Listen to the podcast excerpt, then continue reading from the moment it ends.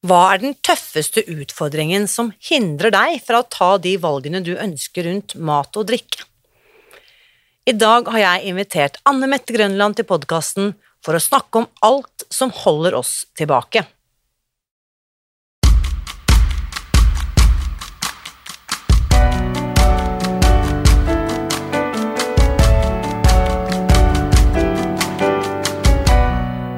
Mitt navn er Irina Lie. Jeg er journalist og forlegger, gründer og sosial entreprenør.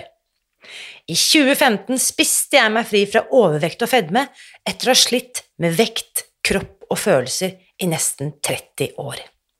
Etter at jeg knakk koden, ga jeg meg selv et nytt oppdrag – å dele denne kunnskapen med alle som trenger det. I denne podkasten kan du derfor høre hele lydboken Spis deg fri. Den finner du ved å bla deg tilbake i arkivet og lytte til første sesong. Hver uke inviterer jeg nå gjester som gir deg påfyll til hodet, hjertet og magen. For min visjon er å endre Helse-Norge, og det får jeg ikke til alene. Du bidrar ved å abonnere på podkasten, skrive en omtale i iTunes og tipse meg om hvem jeg burde invitere hit. Da setter vi i gang med ukens episode. Denne uken har jeg åpnet påmeldingen til vårt neste grunnkurs. Og hvis du allerede vet at du vil være med på dette kurset, så kan du bare klikke deg videre til spisdegfri.no og melde deg på. Velkommen skal du være. Hvis du derimot er i tvil eller lurer på om uh, disse greiene her virkelig kan være noe for deg, så er jeg spesielt glad for at du er her på podkasten i dag. Jeg husker nemlig så innmari godt hvor skummelt jeg syns det var og skulle våge å tro at denne metoden, eller kanskje akkurat dette, skulle være den løsningen jeg hadde drømt om og håpet på og lett etter i så mange år. Og etter å ha snakket med hundrevis av kvinner og menn de siste årene, så har jeg oppdaget noe fascinerende. Jeg er langt fra den eneste som hadde bøtter og spann med tvil og usikkerhet før jeg turte å melde meg på. Jeg var faktisk i tvil også etter at jeg hadde meldt meg på, for da ble det plutselig så innmari ekte, liksom, at jeg virkelig skulle kutte ut sukker og mel. Og i ukes episode så forteller jeg deg også hvordan en uh, bøtte med popkorn holdt på å velte hele lasset, til og med før jeg hadde startet. For jeg hadde liksom ikke fått med meg at popkorn ikke var innafor da jeg meldte meg på, og da jeg fant ut det etter påmeldingen, Eh, da vurderte jeg å trekke meg, for for meg var det nesten en eh, deal-breaker. For bare tanken på at jeg aldri igjen skulle spise popkorn, den var liksom så uutholdelig at jeg var veldig usikker på om dette opplegget kunne være noe for meg. Og heldigvis så turte jeg stå i ubehaget, og så startet jeg. Hoppet i det og gikk all in. Og takk og lov for det.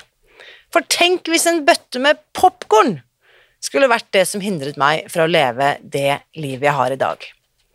Uansett, jeg tar ikke lett på de hindringene du måtte ha i ditt hode, for jeg vet at de er der, og det er derfor jeg har invitert min gode venn og kollega Anne Mette Grønland til podkasten denne uken, for å snakke litt om alle de tingene da, som holder deg og meg tilbake.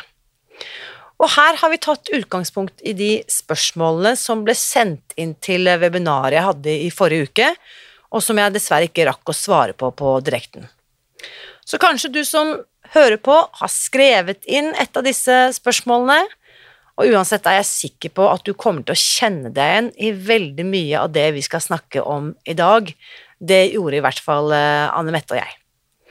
Da setter vi i gang. Her er ukens episode. Et av de spørsmålene vi har fått, er fra en dame som heter Mette, som skriver I skrivende stund er jeg lite motivert fordi jeg har startet opp med Spis deg fri, og etter ti dager har jeg lagt på meg to kilo. Jeg skal ned og ikke opp. Jeg har fulgt oppskriftene til punkt og prikke. Hva tenker du her, eh, Anne Mette?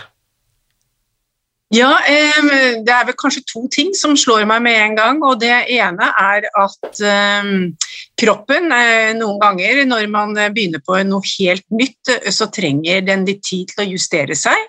Så dette er sikkert noe forbigående, i og med at hun skriver at hun har fulgt eh, oppskriften til punkt og prikke.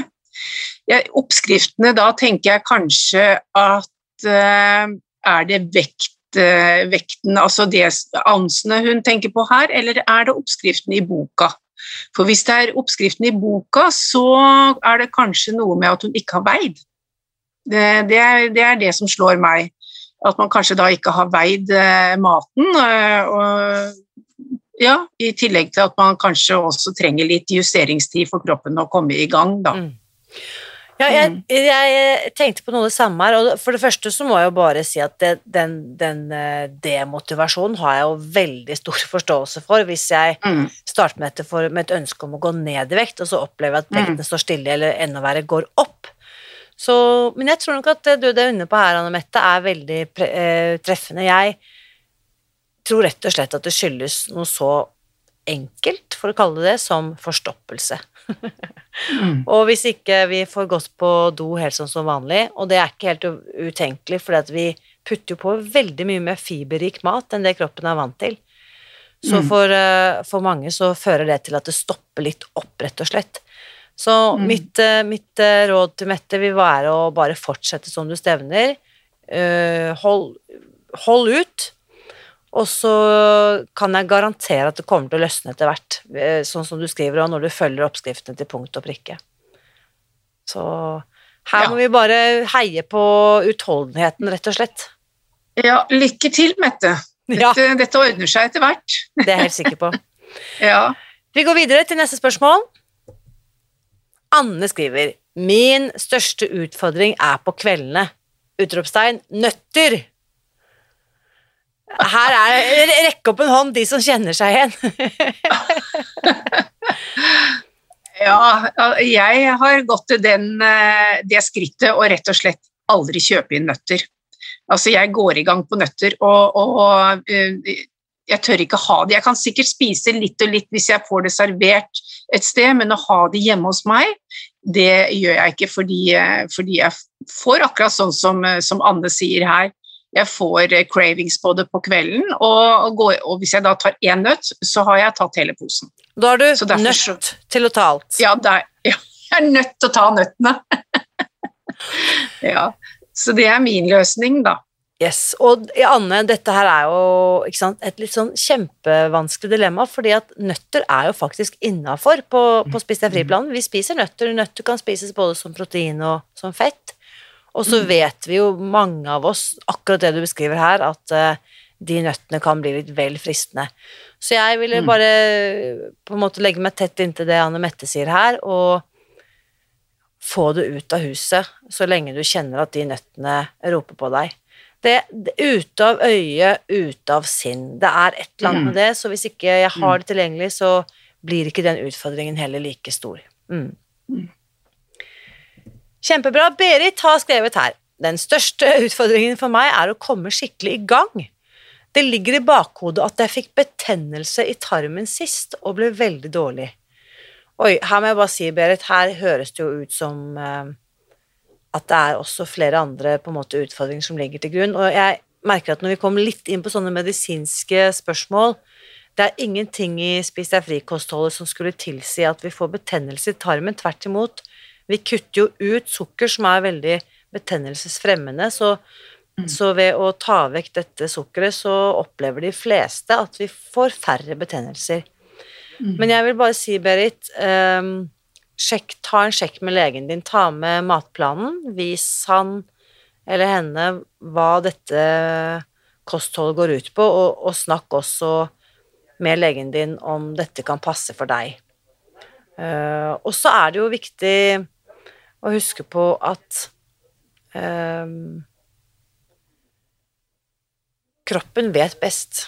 Så hvis kroppen din protesterer mot dette, så kanskje lytte til den. Uh, ja, hva tenker du, Anne Mette?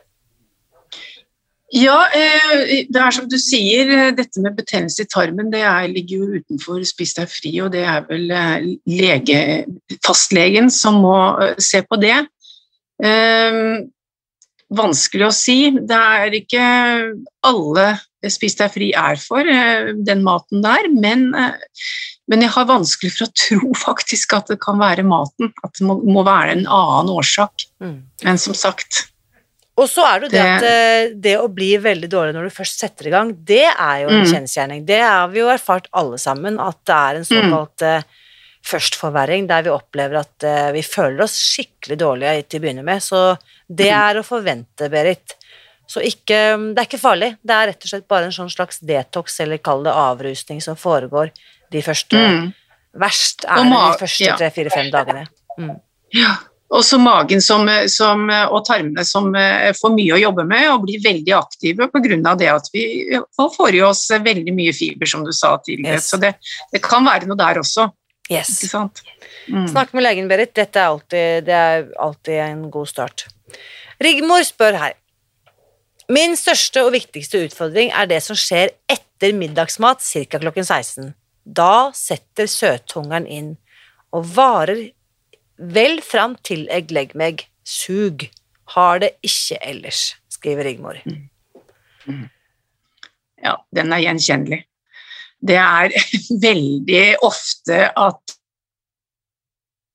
en utfordring med sukker og mel eh, får sug på ettermiddagen og fram mot kvelden.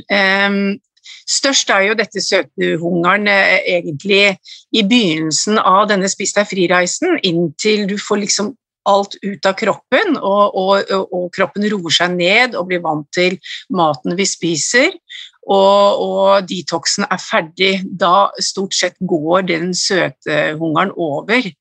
Eh, Men jeg kjenner det godt igjen. eh, Og så er det dette å skille på søthungeren og sult. Eh, Sult er en annen følelse enn, søte, enn cravings, som vi også kaller det.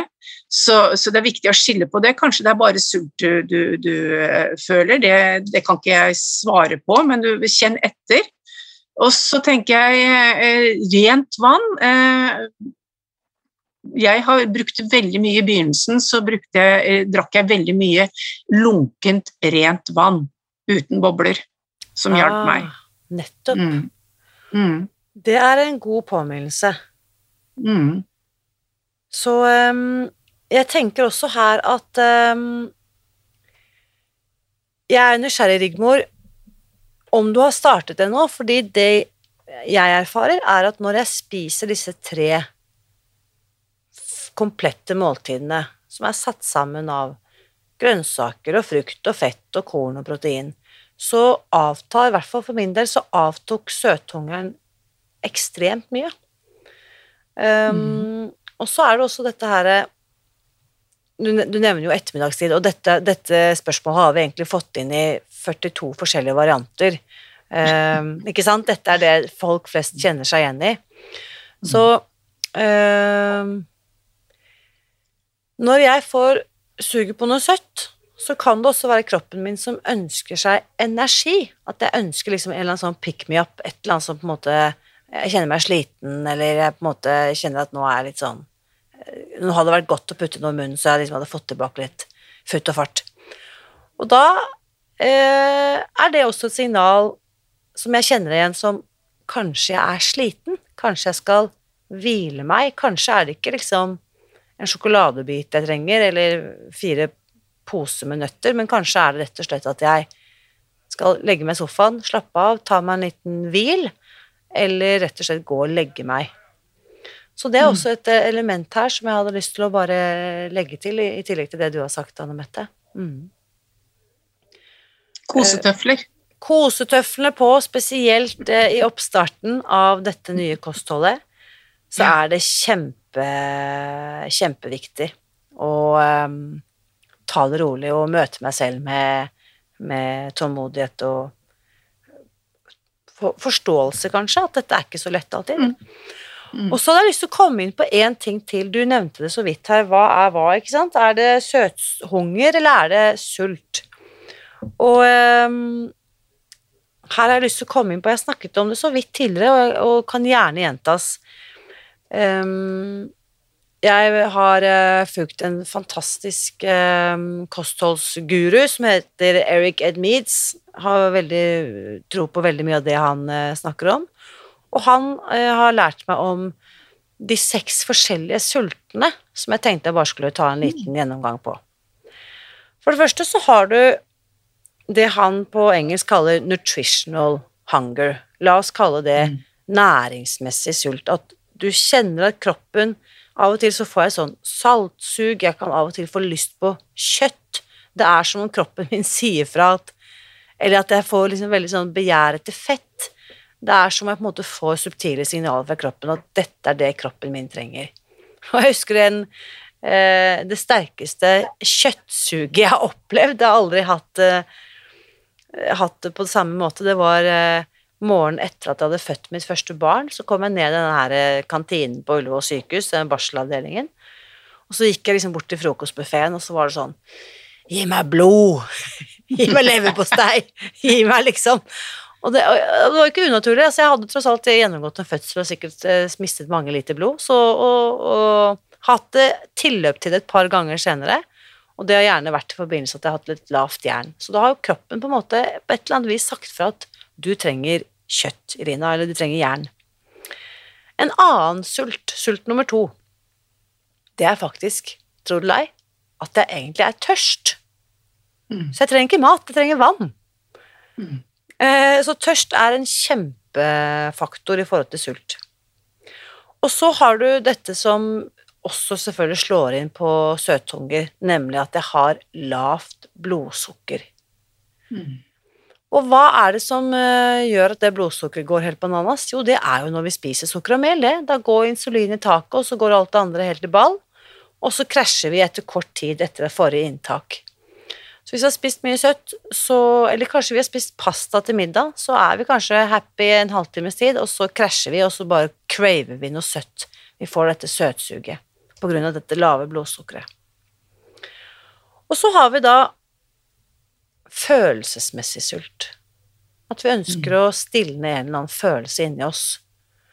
Um, og den kan være litt vanskelig å bli kjent med før vi på en måte gjenkjenner den, og da er den helt soleklar.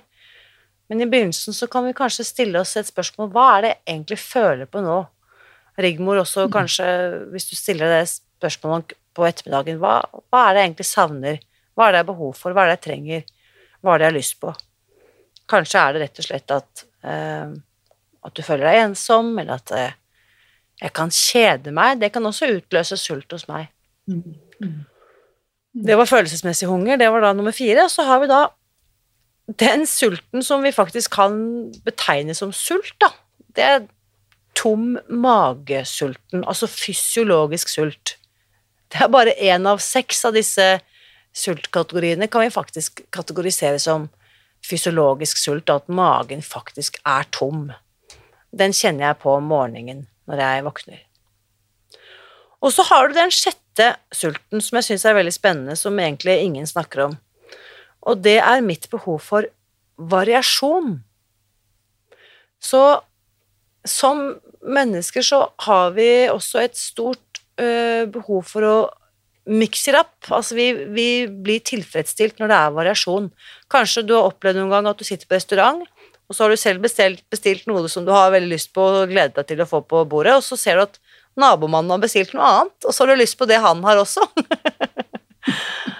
og det er en liten sånn avart av denne eh, dette ønsket om å, å, å, ha variasjon. Så kanskje kan det også være en, eh, en knagg her. Eh, så undersøk disse seks sultne, og still deg selv spørsmålet hva er det egentlig føler på. Er det dette næringsmessige sulten som jeg var inne på, eller er det to, tørst? Er det tre, kanskje at det er lavt blodsukker? Fire, at jeg egentlig er følelsesmessig sulten på et eller annet? Fem, at magen min faktisk er tom, at jeg kjenner på fysiologisk sult? Eller da dette, denne sjette sulten som handler om behovet for variasjon. Mm. Så ja. Eh, du har sikkert kjent på alle de seks sultene, Anne Mette? Ja, jeg kjenner dem igjen. det, er riktig, det. Den, den vanskeligste er, eh, før man liksom gjenkjenner den, det er den følelsesmessige eh, sulten. Mm. Hvor du egentlig er bare er fysen, så er det egentlig et eller annet som har skjedd rundt meg som gjør at jeg på en måte kanskje er litt grann sånn i følelsesmessig ubalanse, og så slår det ut i sult. Ikke sant? Og da må jeg sette meg ned og tenke, eller altså prøve å finne ut hvorfor. Mm. Spennende. Mm. Vi har fått et spørsmål her, skal vi se. Vi går videre. Fra det vi litt raskt her, fra Maria. Hun spør hvordan ta meg selv på alvor når det gjelder hva jeg spiser. Wow. Det var et veldig godt Mm. spørsmål. Jeg overlater dette til deg, Anne Mette. Ho, ho. Nei, vet du, jeg, det er et veldig godt spørsmål, fordi i hvert fall for meg da, så er det sånn at uh, når jeg spiser etter Spis deg fri-metoden, da tar jeg meg sjøl på største alvor. Fordi jeg rett og slett gir kroppen min sunn, god mat som ikke er prosessert, og som ikke gir meg helseplager. Eh, da, da tar jeg vare på meg sjøl, jeg har egenomsorg, eh, ikke sant. Jeg, jeg vet at jeg eh, behandler meg selv snilt og bra, og at helsa mi eh, har veldig godt av at jeg spiser den maten som Spis deg fri gir meg. Jeg tar meg ikke sjøl på alvor når jeg, på Altså når jeg driver og, og roter med sukker og mel. Da, da er jeg egentlig fullstendig likegyldig overfor for meg sjøl på en måte. Da, da tar jeg ikke meg sjøl på alvor. Da er det mer ja, det likegyldige, og det er jo det som er med sukker og mel, da, at når jeg altså min erfaring, når jeg spiser det, så blir jeg likegyldig. Jeg, da er jeg på en måte litt rusa, og da eh, har jeg ikke eh, fornuften i behold, da blir den borte, på en Mm. måte, sånn at jeg eh, liksom skyver fra meg det som, som, som gjør at jeg skal ta vare på meg sjøl, det legger jeg til side, og så går jeg inn i en sånn ja, tåkeheim, vil jeg kalle det. Altså hjernetåkeheim eh, når jeg holder på med det. Mm. Derfor er jeg så utrolig glad for at jeg har funnet Spis deg fri, som gir meg de verktøyene jeg kan eh, bruke for å, å ta meg sjøl på største alvor. For hvis ikke jeg gjør det, hvem i all verden skal da gjøre det? ikke sant? Og jeg har lyst til å leve lenge, jeg begynner å bli en gammel dame.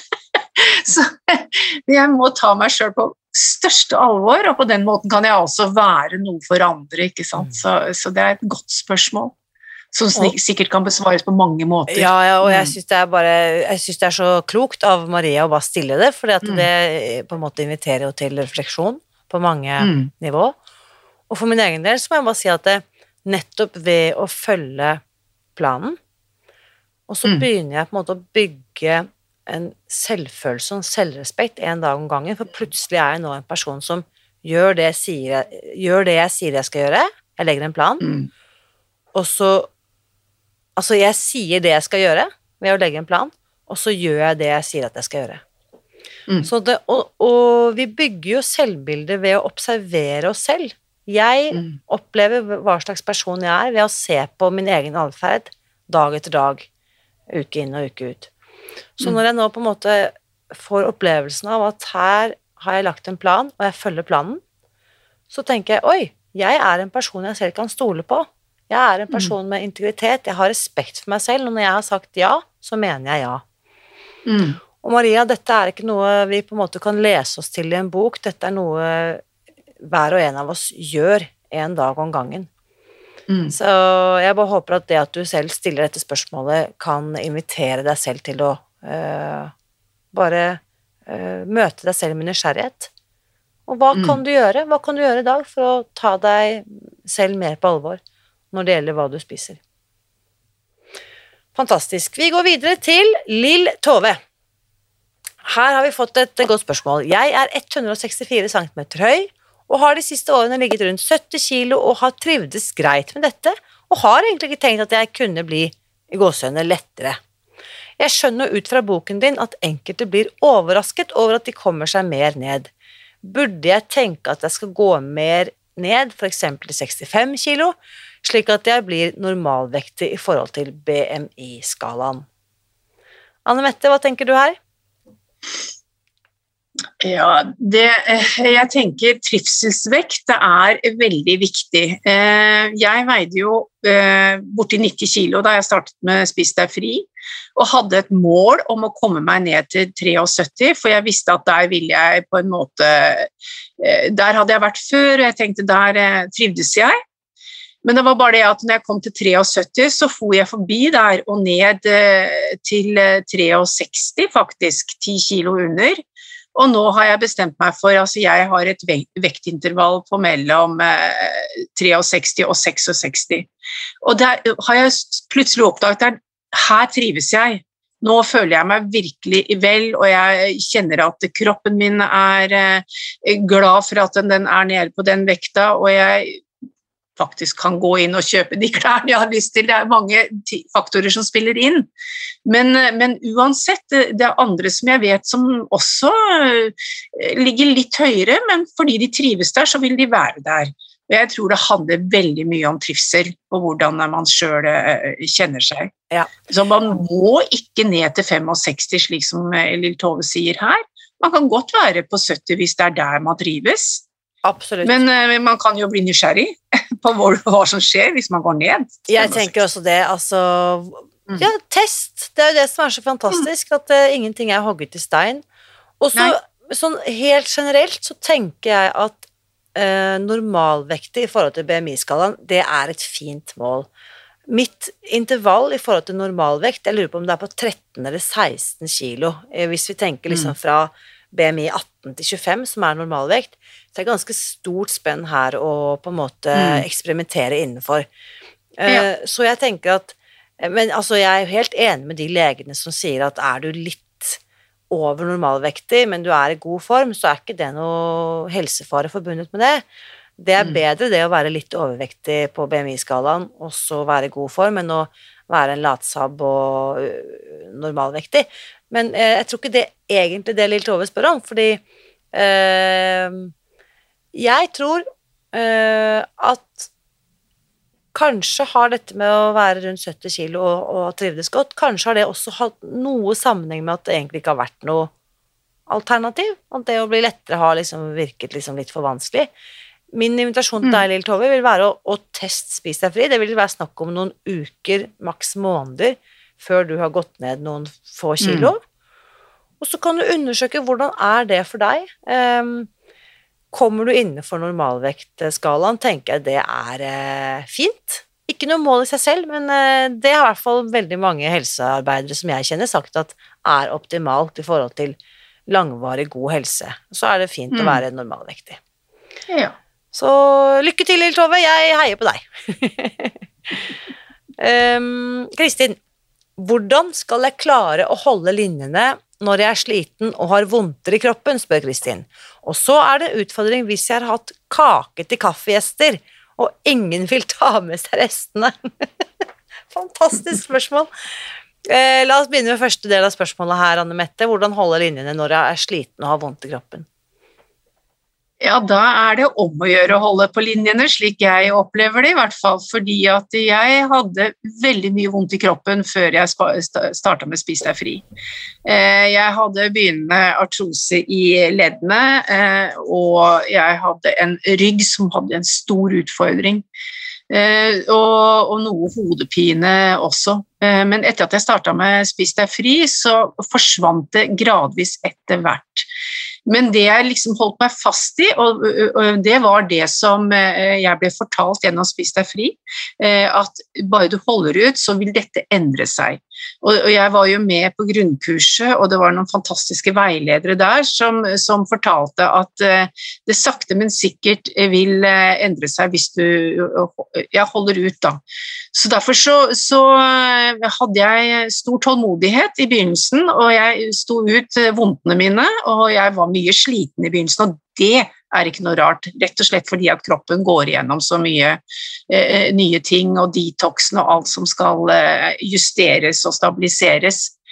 Og etter hvert så, så forsvant både artrosen eh, Ryggen ble veldig, veldig mye bedre. Eh, jeg kan nesten ikke si at jeg har vondt i ryggen lenger. Og, og jeg har fått en veldig energi. Jeg er liksom nesten aldri sliten uten at hvis du har virkelig har jobba en dag, eller noe sånt, noe som er normalt. da, ikke sant? Så, så det, for meg så, så, så, har det fungert veldig bra. Og jeg vil bare si at eh, det, Kristin, det er, hold ut, det vil endre seg. Fantastisk.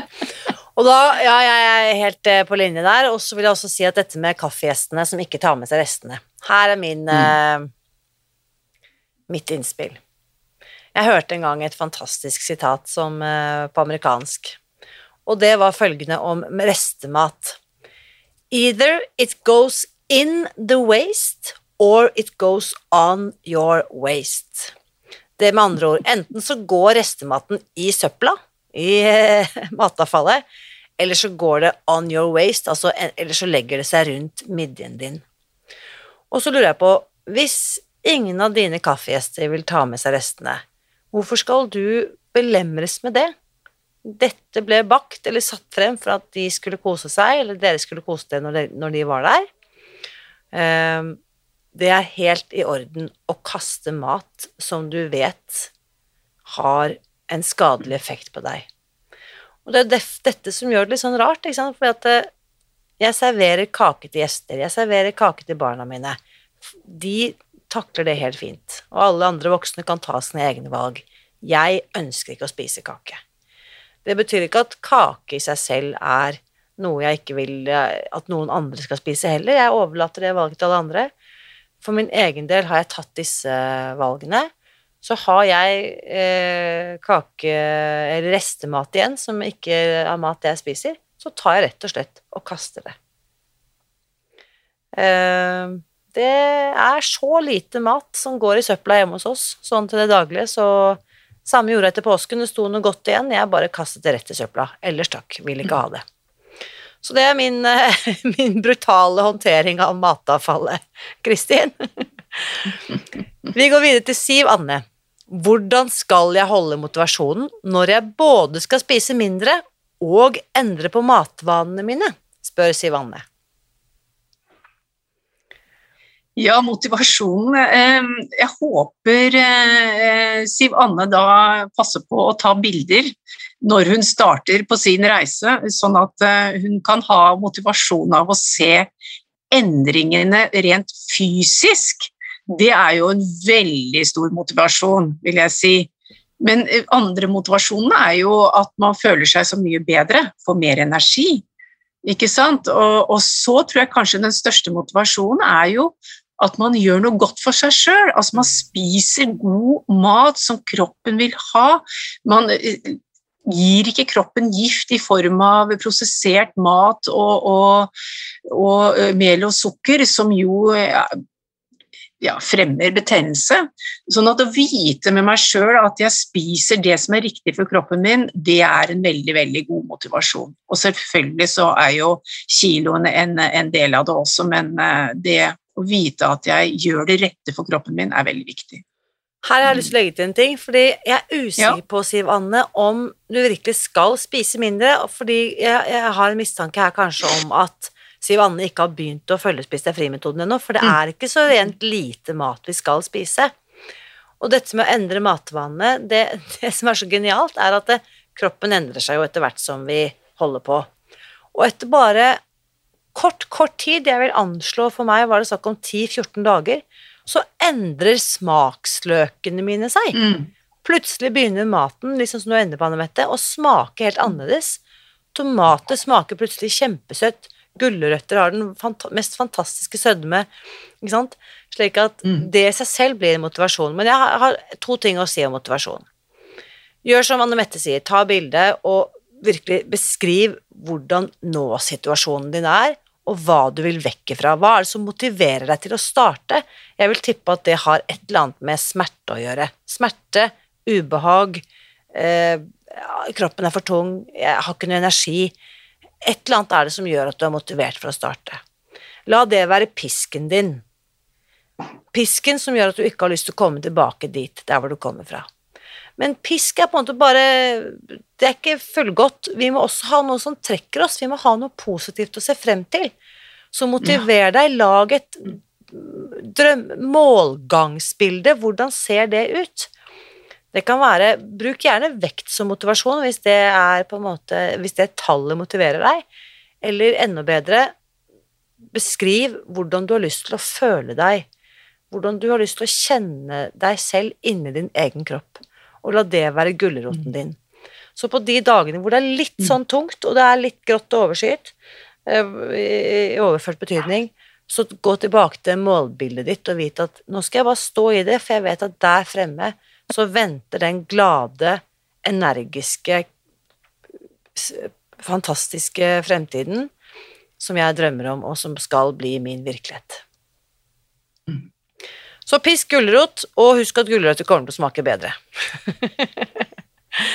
da går vi videre. Ja, et spørsmål til fra Sivanne. Ehm, her har vi da altså Min største utfordring er å kjenne etter, det vil si når er jeg mett? Jeg har et mønster på å spise for mye og bruke mat som trøst og belønning. Dette er et utrolig godt spørsmål. Hvordan skal jeg klare å kjenne etter det? Når er jeg mett, Anne Mette? Nei, det var ikke så veldig enkelt når jeg spiste sukker og mel. Eh, Det var veldig vanskelig å kjenne eh, på om jeg var mett, for jeg ble aldri mett.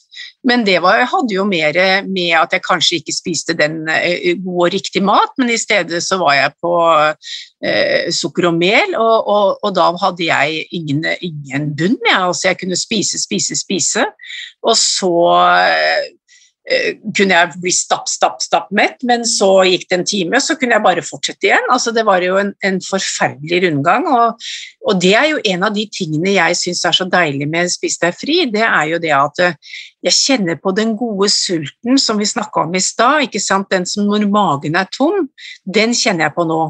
Og jeg spiser, og jeg blir god og mett. Eh, eh, Svenskene har et veldig godt eh, ord for det. Jeg er nøyd. Ikke sant? Jeg er fornøyd, jeg er nøyd.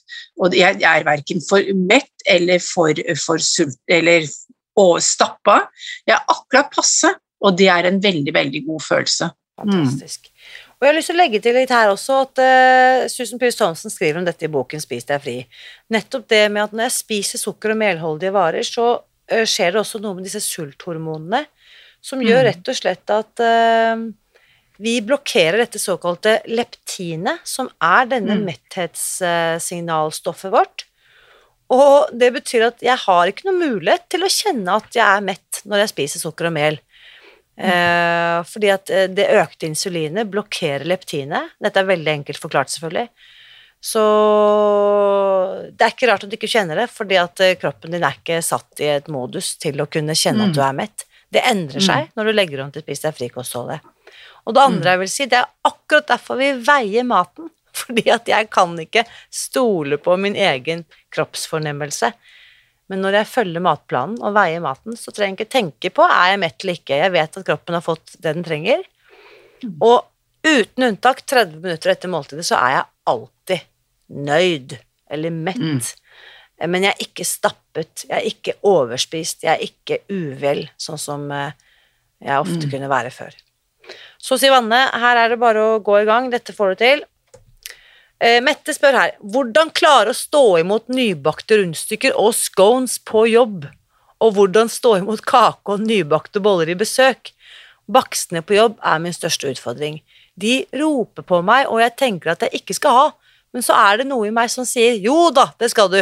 Så da har jeg plutselig spist fem stykk før jeg vet ordet av det. Kjære Mette, her er vi mange som kan kjenne oss igjen. Um, kan vi bare rett og slett gi Mette et løfte om at dette, dette går over, når hun rett og slett følger planen? Ja, så lenge hun følger planen, og ikke lar seg lure av den, den som sier at jo da, det skal du bare ta, eh, så vil det der gå over, og til slutt så, så, så affiserer det deg ikke. I hvert fall sånn, sånn er det for meg når jeg er på besøk, eller jeg er i selskaper hvor det serveres mye, mye sånt som jeg ikke skal ha, not my food, så er, jeg har liksom ikke noe det, er, det, angår meg ikke lenger. Mm. Jeg er ikke interessert, og jeg vet bare én ting, at uh, dette er uh, ting som, som, ikke gjør meg noe bra, og hvorfor skal jeg stappe i meg det som er eh, dårlig for meg, yes. og som vil føre meg på ville veier igjen. Den, den, giften skal jeg ikke ha lenger. Det, det er sånn som jeg føler det. Yes. Nei takk. Mm. Eh, Nei. Vibeke eh, her spør om hvordan skal jeg klare å holde motivasjonen oppe. Jeg er veldig flink i én uke eller to. Det føler jeg egentlig at jeg svarte litt på i forrige spørsmål. Eh, Vibeke, definer veldig klart og tydelig for deg selv hvorfor du vil starte. Beskriv Mm. denne smerten som er nå-situasjonen. Og så bruk minst like mye tid, enda mer tid, på hva du ønsker å gå mot. Mm. Eh, og så vit også at de tingene som er på en måte verdt å kjempe for, de ligger gjerne mer enn én eller to uker frem i tid. Det er verdt å stå i det. Og jeg kan for min egen del, altså jeg er inne i år syv, det blir bare bedre og bedre og bedre. Og jeg vet ikke hvor mange ganger jeg har måttet heve lista for hva jeg drømmer om å, å på en måte motiveres av. For alle de andre målene ligger liksom i bakspeilet. Du Mm. nevnte, du nevnte vekt, eh, Anne Mette, at du også bare raste forbi vektmålet Mm. ditt. Men er det andre Mm. mål som har motivert deg? Ja, altså det, helse først og fremst, ikke sant, smerter, at det er blitt borte er helt fantastisk.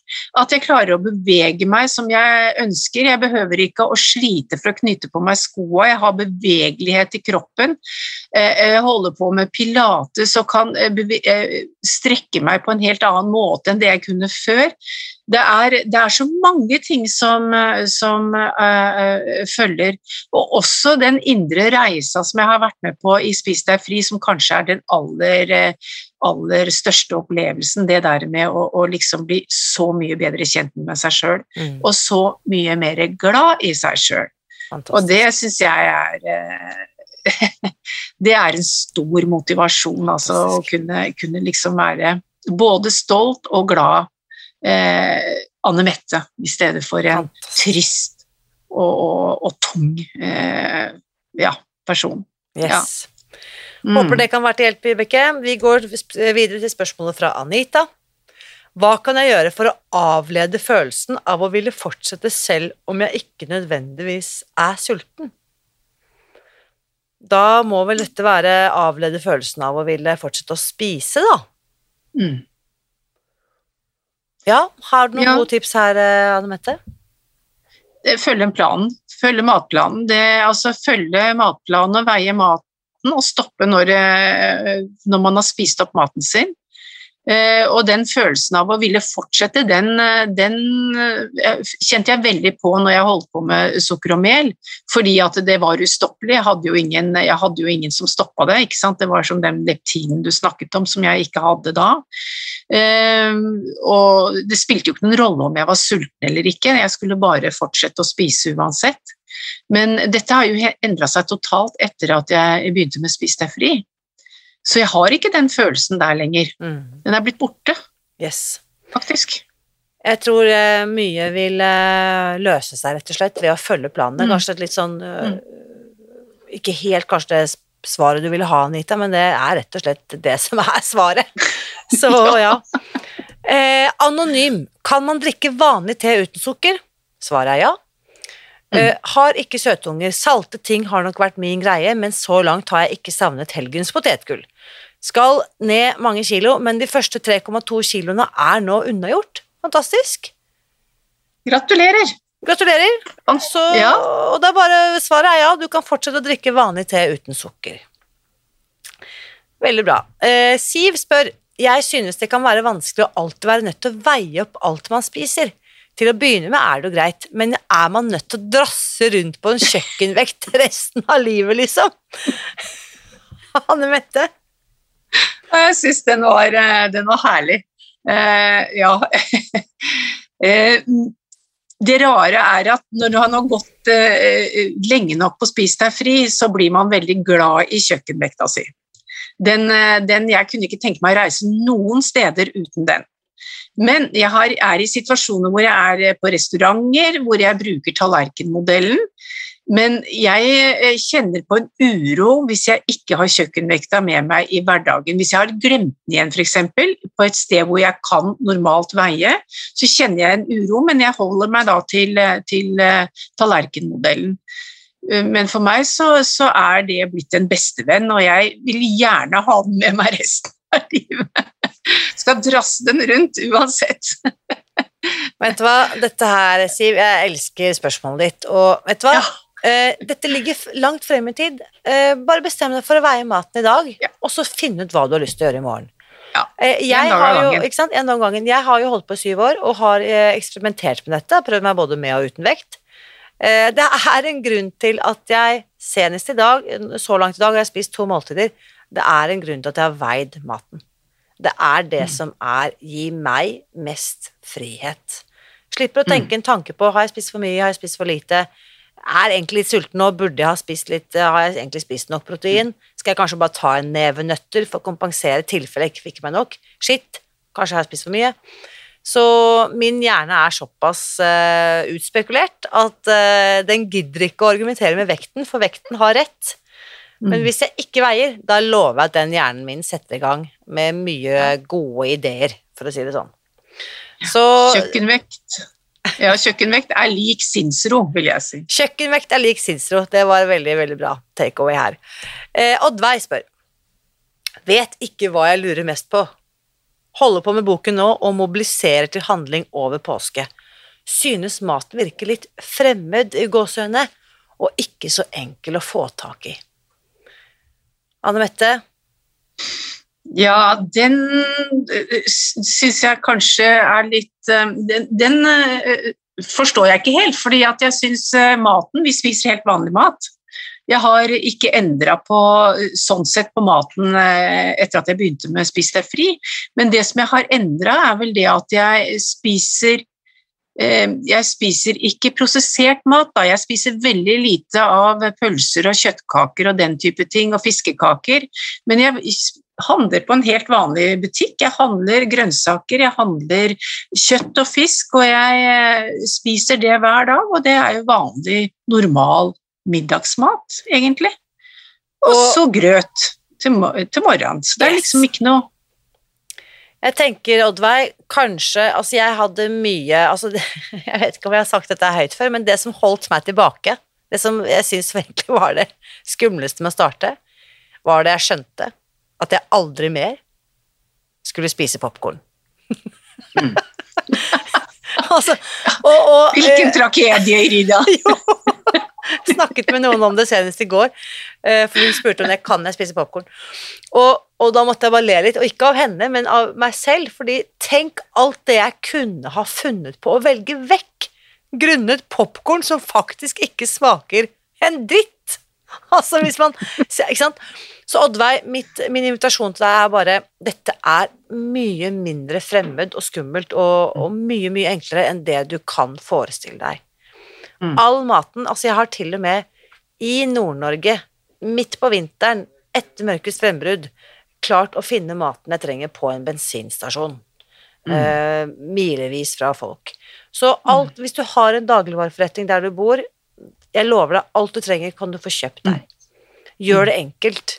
Um, og i kurset, kursene våre så gir vi deg også masse konkrete, enkle, lettfattelige tips, sånn at du kan få Mm. kommet i gang med en gang. Mm. Ok, vi går videre. Vi har et spørsmål fra Monica. Hvordan få et normalt forhold til sukker? Jeg vil ikke slutte med alt for alltid. Så ekstremt vil jeg ikke leve. Bare ha et normalt, sunt forhold til det. Eh, Anne Mette, her må jeg rett og slett bare skyte inn at eh, da er nok ikke Spis deg fri for eh, deg, Monica. Beklager å si det så brutalt. Ehm, for noen av oss, eh, og jeg tror jo, og dette gjelder jo ikke alle, det er derfor jeg også kan si det såpass eh, skråsikkert. Altså, vi regner med at det er eh, om lag mellom 30 og 40% av befolkningen kan defineres som dette å ha dette, være disponert for avhengighet. Og er du avhengig av en substans, om det være seg alkohol, nikotin, sukker, så det jeg tror på, er at da er det ikke mulig å ha et normalt forhold til det. En gang avhengig, alltid avhengig, som Mm. vi sier. Mm. Mm. Um, og så er det litt sånn som jeg sa litt tidligere, ikke, du trenger ikke bestemme deg for å slutte med dette for alltid. Uh, du kan bestemme deg for å gjøre dette i én dag, og så kjenne etter hvordan du har det, Monica. Og hvis du på noe som helst tidspunkt savner det søtsuget, eller savner det ubehaget i kroppen, eller savner det å ikke føle deg liksom helt på topp, så bare går du tilbake og begynner å spise sukker igjen. Uh, sukker er bare alltid en armlengdes avstand unna, uansett hvor du måtte befinne deg på denne planeten. Så ingen skal ta fra deg sukkeret, men kanskje velger du å ta avstand til sukkeret. Det er den friheten vi har, alle sammen. Mm. Eh, hva med deg, eh, Anne Mette? Drømmer du om å ha et normalt forhold til sukker? Nei, det er helt uh, Nei, det, det, går ikke for meg. Jeg er sukkeravhengig. Jeg er sukker- og melavhengig, og har, det er, er en dyrekjøpt erfaring som jeg har, har kjempa med i, i altfor mange år. Uh, og jeg er bare så ekstremt glad for å, å slippe å, å, tenke at jeg må være normal i forhold til sukker og mel. Jeg har, jeg har, jeg har kommet til terms, hvordan sier du det på norsk? Jeg er jeg bare rett og slett akseptert. Mm, akseptert. Ja, helt. Og jeg har ikke noe cravings på det heller. Jeg kan ikke se hvorfor jeg på en måte skal ha i meg det som er gift for meg. Ikke sant? Og som gjør at jeg blir dårlig, og som gjør at jeg får konflikt i hodet igjen og ikke sinnsro. Så, og for meg er det ikke ekstremt. For meg er det ekstremt øh, å, å putte i meg sukker og mel når jeg vet at det, at det, ikke er bra for meg, og at jeg vet konsekvensene av hvor, hvordan det vil utarte seg. Mm. Et bilde Monica, som kanskje kan hjelpe, er se for deg en flaske med cola eller Pepsi Max eller et eller annet søtt. da. Og så vet jeg ikke om du har uh, kjæledyr, men ville du ha funnet på å gi cola til hunden din? Eller ville du ha funnet på å vanne plantene dine med cola? Sannsynligheten er ganske liten, Monica, for at du ville ha gjort det. Så øh, tenk deg kanskje denne fantastiske organismen da, som vi mennesker er.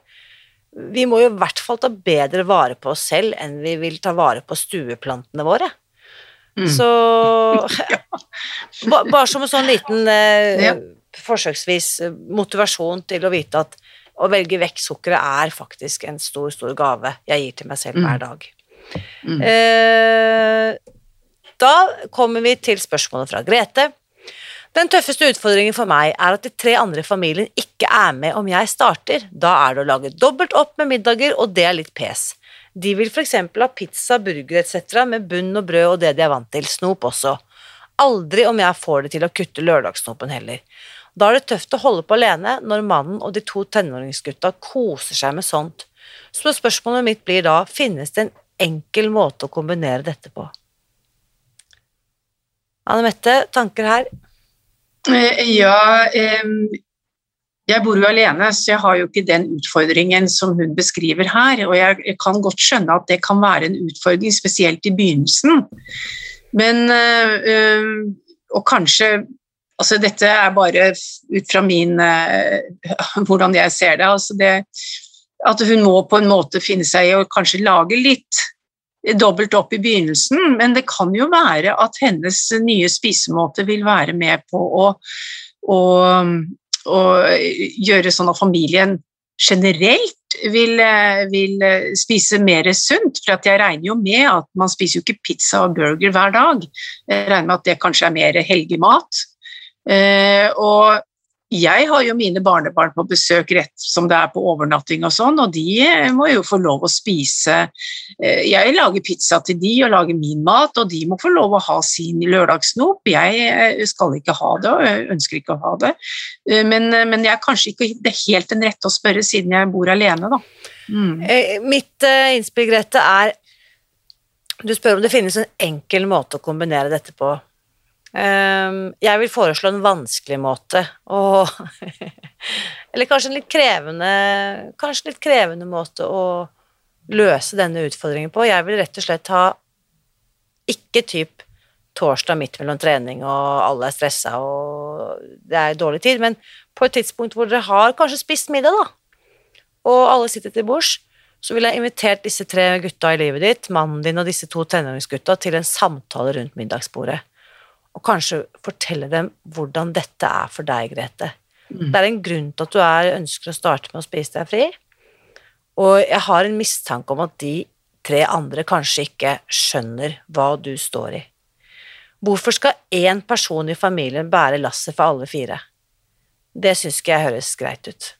Og jeg tenker også at du gjør gutta dine en kjempetjeneste hvis de også ser at de må ha et lite øye til hvordan mor eller kvinnen i sitt liv eller vennen eller kompisen eller kameraten eller kollegaen har det, og kanskje ta litt hensyn.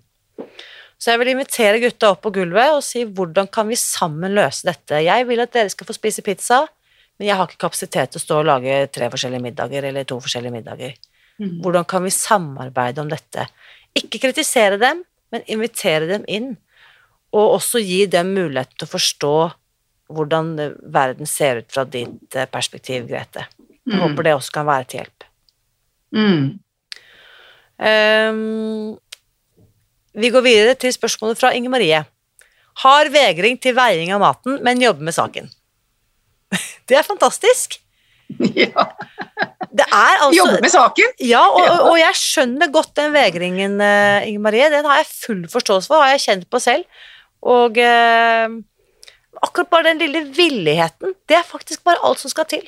At jeg er Mm. villig til å jobbe med saken, så er det et enormt stort eh, steg. Test Mm. det én gang, og så se hvordan dette føles, eh, Inger Marie. Og hvis det føltes ok, så gjør det en gang til, og så ta det derfra.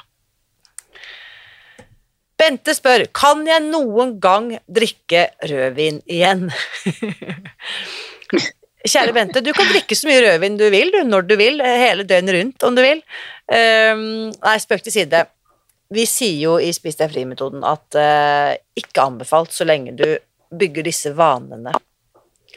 Uh, så lenge du etablerer og lærer deg metoden og setter deg ordentlig inn i det, så er det anbefalt å ta en, uh, kall det total avholdspause fra Mm. alle typer alkohol. Og så skal det sies at eh, på sikt, altså rødvin eller alkohol er jo sukker, så det er jo per definisjon ikke innafor på planen.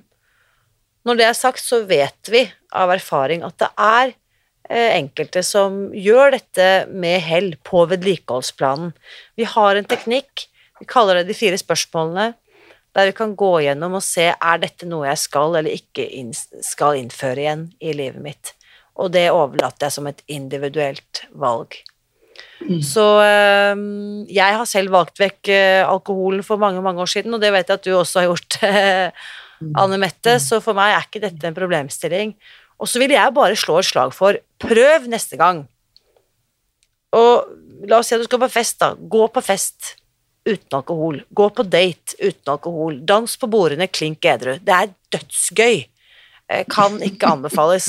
Og, Og, og så vite at smaksløkene blir også bedøvet av alkohol. Det er jo veldig mye sånn påstander om at liksom alkohol og mat sammen, bla, bla, bla. Det er bare tull. Mat smaker mest mat når du spiser det uten alkohol inni munnhulen. Eh, alt blir bedøvet av alkohol, også smaksløkene dine. Eh, men altså, Bente, kort fortalt, kan jeg noen gang drikke rødvin igjen? Svaret er ja, hvis, det, hvis du ønsker det. Kristine. Fermentert mat er ofte med sukker, sier Kristine. Eksempel kombucha. Kan Spis deg fri kombineres med det? Jeg bare tar den også, jeg er kjapt, eh, Anne Mette. Eh, fermentert mat er helt innafor. Kombucha, eller alt som er fermentert med sukker, er ikke det. Selv om jeg vet at disse sukkergreiene, molekylene, oppløses og sånn. Så dette har vi hatt noen runder på. Spis deg fri-planen er ikke forenlig med kombucha. Men annen fermentert mat som ikke er fermentert med sukker, eksempel kimchi, det kan du gjerne spise. Og da har vi Hilde som spør eh, Vil gjerne spørre deg om oppskriften til å gå ned syv kilo i vekt. Må liksom ha hjelp til å holde ut. Har gått ned to kilo siste måneden og er i en god stim og kjenner at nå vil jeg bli fornøyd og trives med meg selv. Jeg synes det er så vanskelig å holde ut lenge og ha den gode kontinuiteten på sunn rikt på sunn og riktig mat og trening. Går nok også på å ha god tid til å prioritere meg selv. Anne Mette, har du noen råd til uh, Hilde her? Mm, ja eh, eh, I Spis deg fri, da, og, og sånn som jeg eh, jobber med dette her, er jo at eh, jeg ser hun snakker om eh, Altså at det er skal holde ut. Hvis du skal holde ut noe, da betyr det jo på en måte at det er en ende et eller annet sted, og at du endrer noe tilbake igjen til en eller annen uh, uvane, for å si det sånn. Uh, jeg har gått inn i Spis deg fri fordi jeg ønsker å beholde vekta som jeg har gått ned uh, for resten av mitt liv.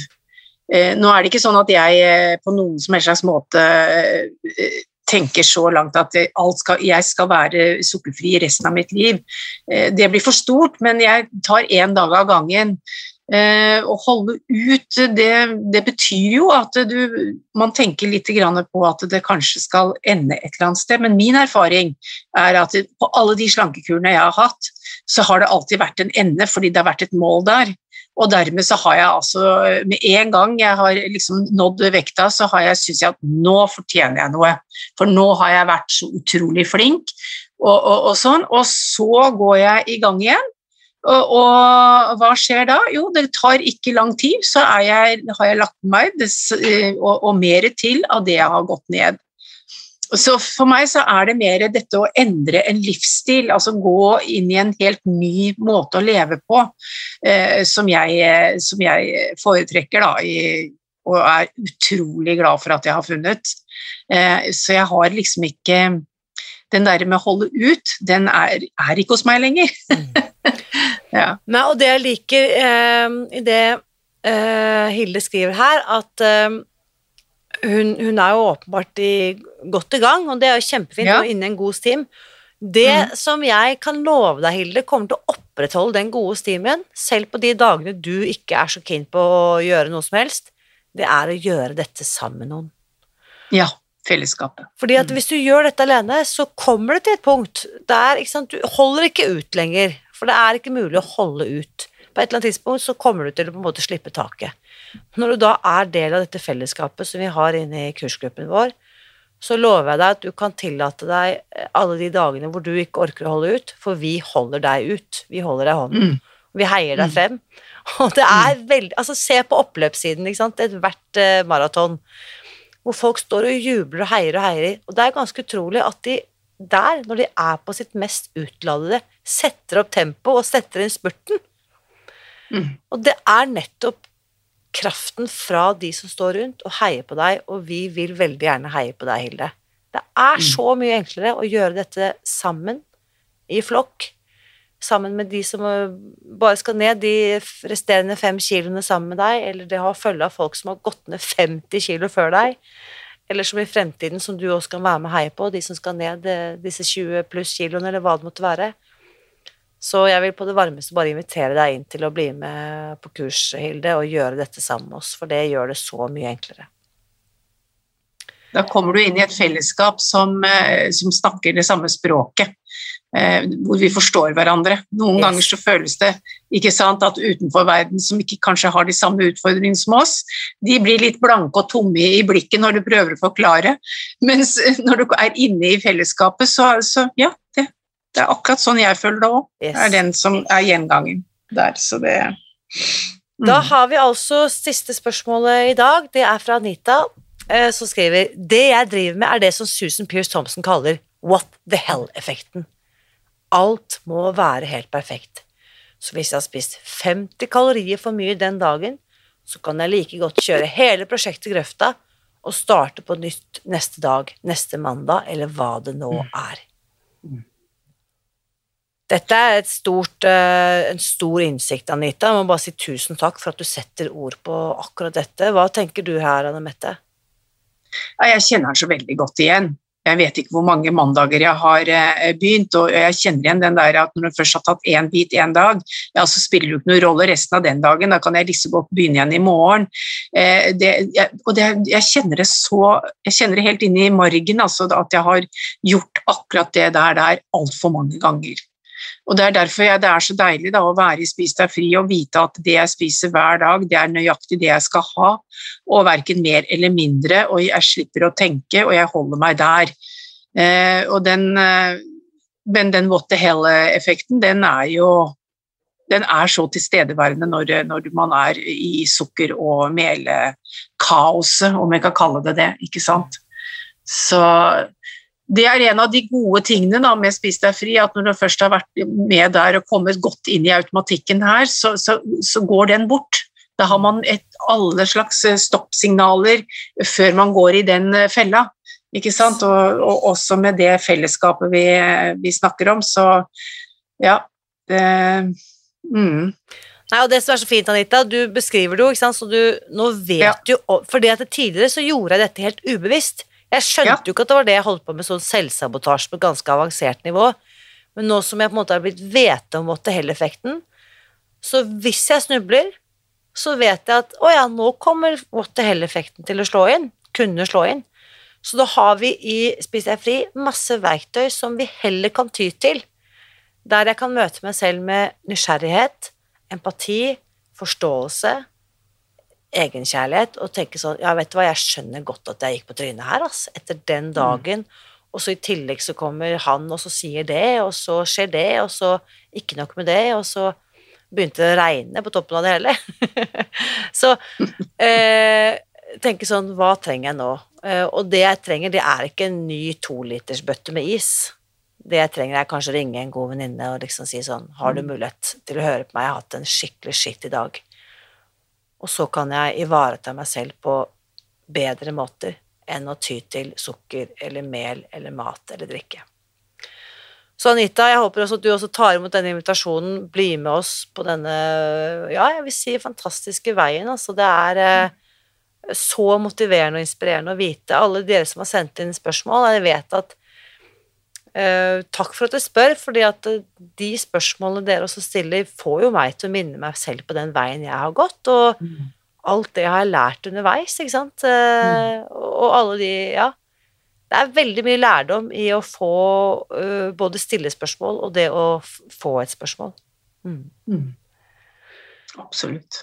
Så eh, Anne Mette, er det noe du vil si til de som nå sitter på gjerdet og, kanskje har hørt alle disse spørsmål, eller, eller, kjenner seg igjen i mye av det som er bestilt, eh, og, og, lurer på om dette er noe som passer for dem?